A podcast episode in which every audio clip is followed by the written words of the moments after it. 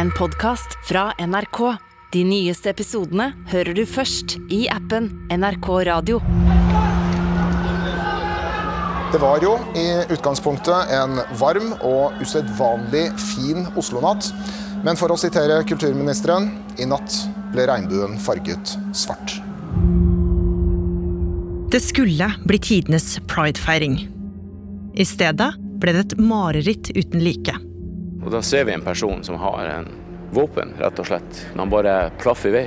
Etter tredje skuddet sier vekterne 'kom dere ned', ned, ned.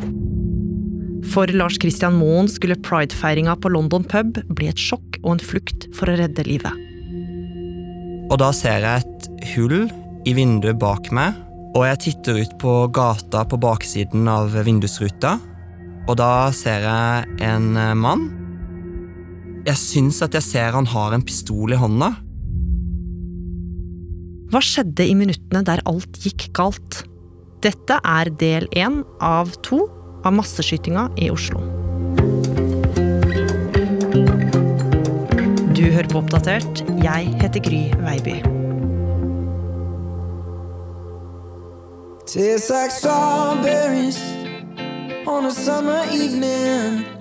Vi hadde bestemt oss denne kvelden da for å dra ut og feire og være sammen. Så tok vi og pynta oss, jeg og ei, i kollektivet, og drakk litt øl. Og så gikk vi videre til um, Pride Park, da. Som er en del av eh, pride-arrangementet i, eh, i Oslo. Før jeg kom, så hadde jeg hørt på uh, Watermelon Sugar, er det det den sangen heter? Og jeg følte liksom den bare for meg var Den stemninga den sangen har, da, var litt den stemninga jeg følte når jeg kom der, da. Watermelon sugar high. Watermelon sugar. Strawberries on a summer evening. Det er en varm fredagskveld. 29-årige Lars Christian Moen, som jobber som lege, har tatt på seg hvit linskjorte og olashorts og skal feire Oslo Pride sammen med tusenvis av andre. Og så har jeg på meg noen eh, svarte joggesko, sånn at jeg kan danse mest mulig og eh, være litt mobil der jeg er. Og, eh, og så hadde jeg på meg en ponni i øret, da. Den ponnien er jeg veldig, veldig glad i, og ja, den får meg til å ha liksom den Det lille ekstra skeive uttrykket som jeg har lyst til å ha, da, den kvelden. Så jeg bestemmer meg for at jeg skal dra ut, og der jeg pleier å dra ut hvor jeg føler meg veldig vel, det er på London. Og der har jeg vært veldig mange ganger før.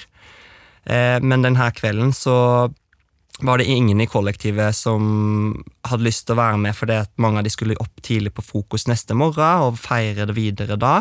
Eh, så da tenkte jeg at da drar jeg ut alene, fordi på London så blir du jo alltid kjent med folk, og så møter du noen du har sett før, og så kommer du i prat med folk, så det er liksom Det er ikke noe problem å dra ut alene, da. Denne sommerkvelden er London pub et av Oslos mest kjente utesteder for skeive sted å være. Utafor er det lang kø, mye lenger enn til vanlig. I køen treffer Lars en han kjenner, og merker at denne kvelden, den kommer til å bli bra. Det føles ut som det er en veldig sånn stor frihet. da.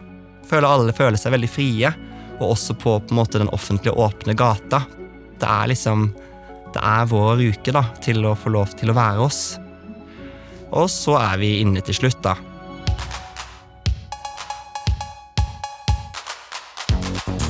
Der er det som det pleier å være, men igjen veldig, veldig bra stemning. Folk har begynt å danse. Jeg går opp med han fyren som jeg traff, da, opp i andre etasjen der. Inne på London pub er det to etasjer. Opp en trapp er det et lite diskotek med store vinduer som vender ut mot gata. Ned en trapp, i kjelleren, er det en mørk og dunkel bar med jukebox, slitte lærstoler og bilder av skeive ikoner på veggene. Også inne på London er det mange kjente ansikter. Nei, det er fullt av folk eh, i masse forskjellige klær. Folk som danser på masse forskjellige måter og tilnærmer seg hverandre på forskjellige måter. Jeg har det veldig, veldig bra. Eh, Jeg, er veldig, åh, jeg var skikkelig, skikkelig glad for at jeg dro. Lars går opp til andre etasje sammen med folk han kjenner. I baren kjøper de øl og beveger seg ut på dansegulvet.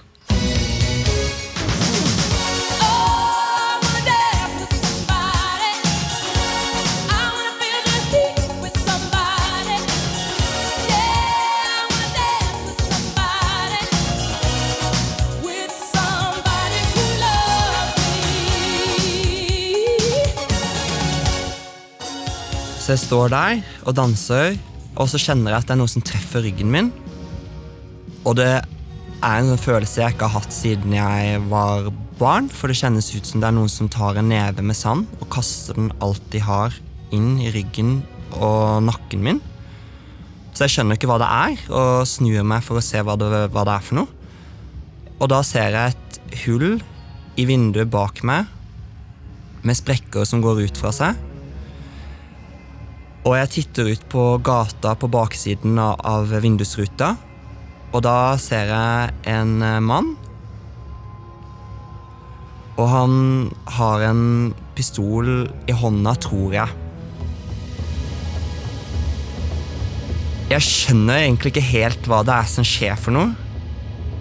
Og jeg får på en måte ikke panikk, men jeg forstår at det her er et sted jeg ikke har lyst til å være. Og jeg tenkte at han må ha skutt inn her, og det må ha vært glasskår som har truffet ryggen min. Så jeg må ut herfra. Det Lars nettopp har sett, er 43 år gamle Sanyar Matapour som skyter rundt seg med våpen. Mange skudd er løsna, og i gata er det kaos, og flere er hardt skadd. Men ingenting av dette veit Lars noe om ennå. Det første som skjer, er det at jeg snur meg mot han jeg danser med. Eh, og jeg får øyekontakt med han, og han smiler til meg. Så han har jo ikke skjønt hva det er som skjer. Og jeg prøver å vinke han med, med hånda mot meg, som at nå må vi gå. Og så snur jeg meg for å gå, og på den andre sida av meg da, så er det folk som har lagt seg ned. Og jeg er fortsatt veldig usikker på om de har lagt seg ned, eller om det var en av de ved siden av meg som ble skutt. Men noen av de i hvert fall prøver å liksom dra i meg eller vinke meg ned. og sier du må legge deg ned, du må legge deg ned. Eh, men det eneste jeg har lyst til da, er å komme meg ut. Jeg tør ikke å gå ut på gata, for jeg tenker at eh, jeg må til et sted hvor jeg kommer meg lengst mulig unna han, og det er ikke ut på gata, det er ned i kjelleren og innerst i kjelleren. Med målretta skritt går han ned trappene til den brune puben for å finne et sted å gjemme seg. Det jeg tenker da er at jeg må komme meg lengst mulig unna. Det er det jeg tenker. Skal jeg gå inn på doen, eller skal jeg gå enda lenger inn i, inn i kjelleren?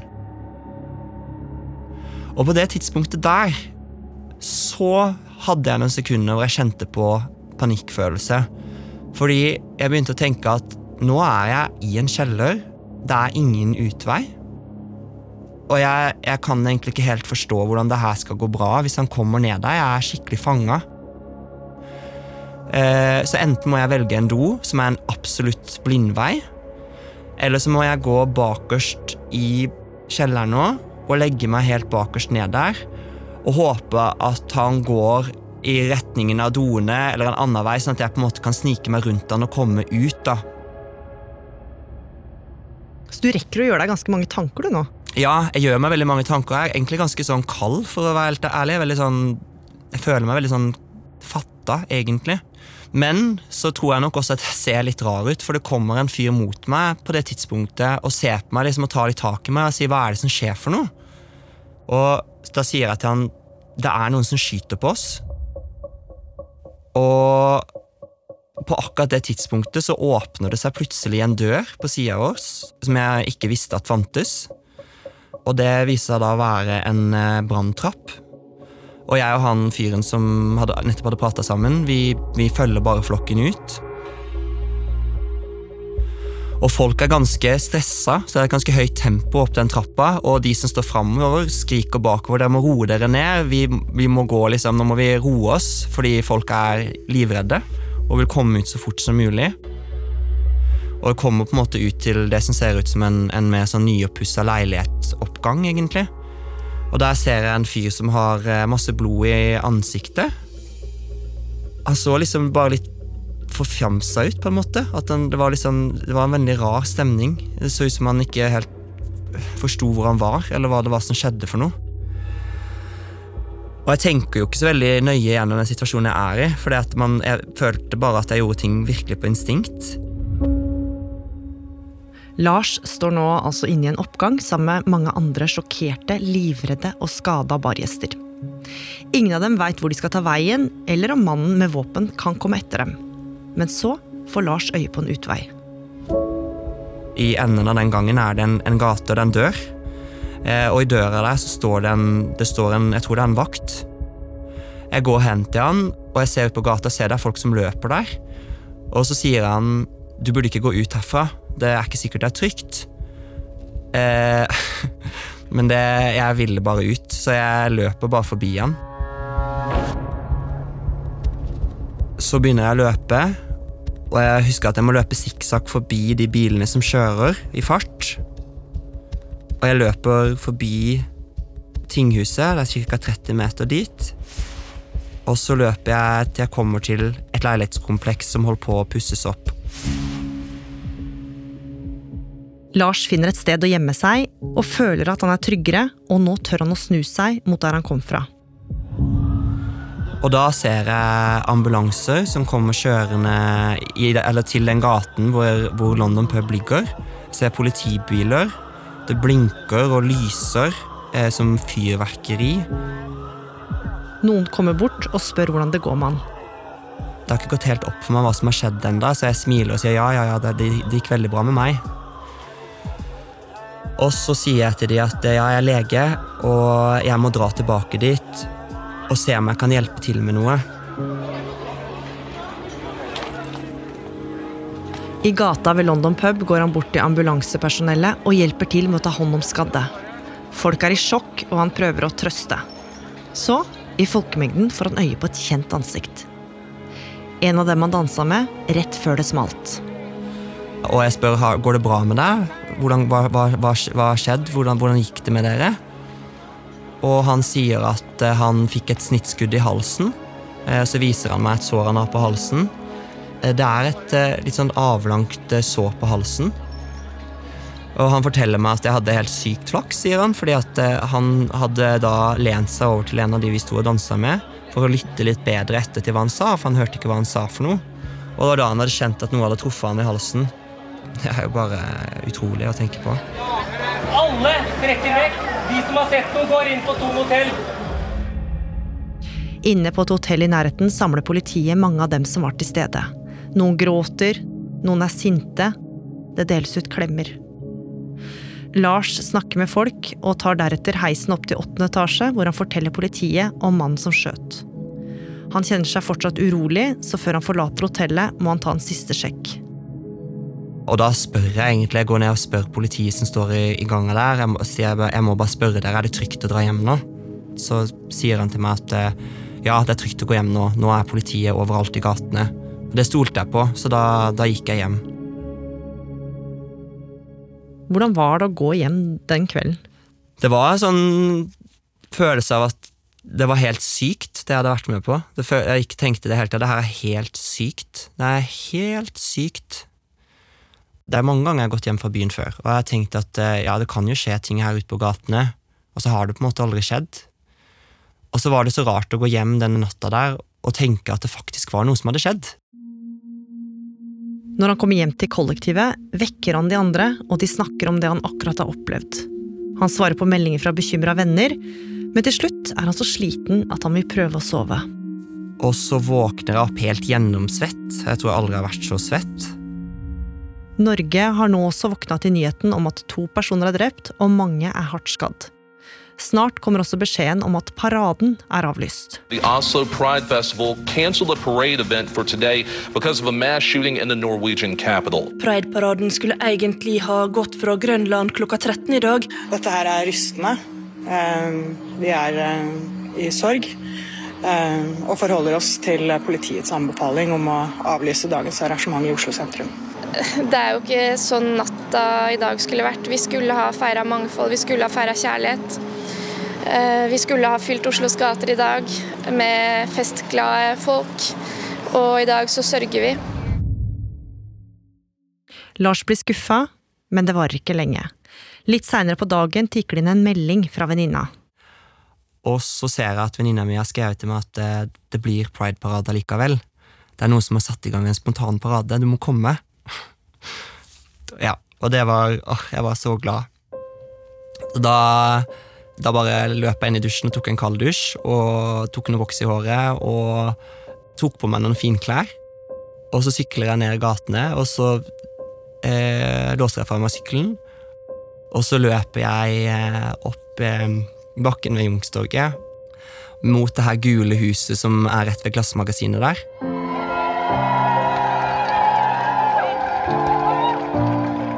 Masse folk som løper der, og jeg ser folk som går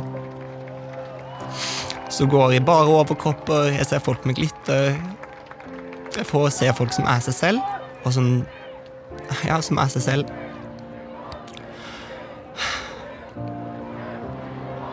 Og så kommer hun løpende mot meg, og så gir vi hverandre en lang klem. Og det føles skikkelig, skikkelig godt. Åh. Og så går vi sammen til paraden og holder hendene til hverandre hele veien. Det føltes så godt. Det føltes så godt å ha en venn der da, som var sammen med meg i paraden, og vi kunne være sammen der. Og, eh, og folk eh, Folk roper og skriker og flagger og gråter og Ja. Det er en veldig spesiell stemning. En veldig fin stemning. Og, og rørende og vond og ja. Masse, masse følelser.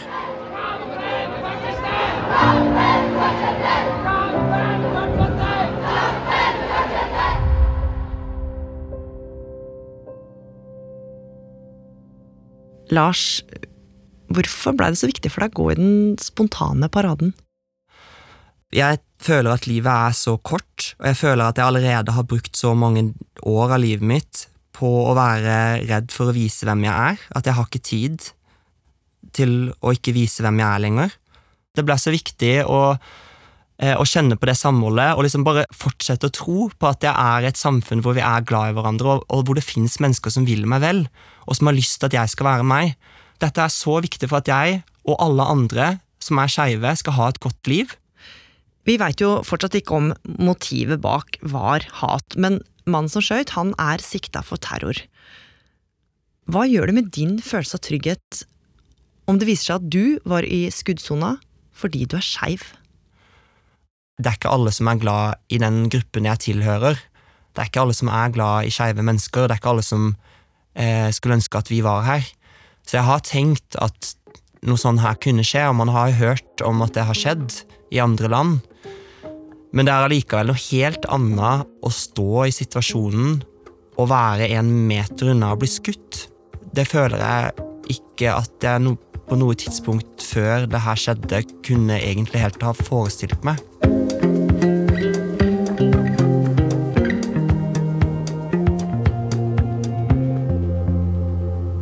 Oppdatert er en podkast fra NRK Nyheter, og denne episoden er laga av Martin Holvik. Ina Swann. Hanna Kolås. Pål Gauslo Sivertsen. Andreas Berge. og meg, Gry Veiby. Programredaktør er Knut Magnus Berge. Trenger du noen å snakke med, kan du ringe Mental Helses hjelpetelefon på 116 123.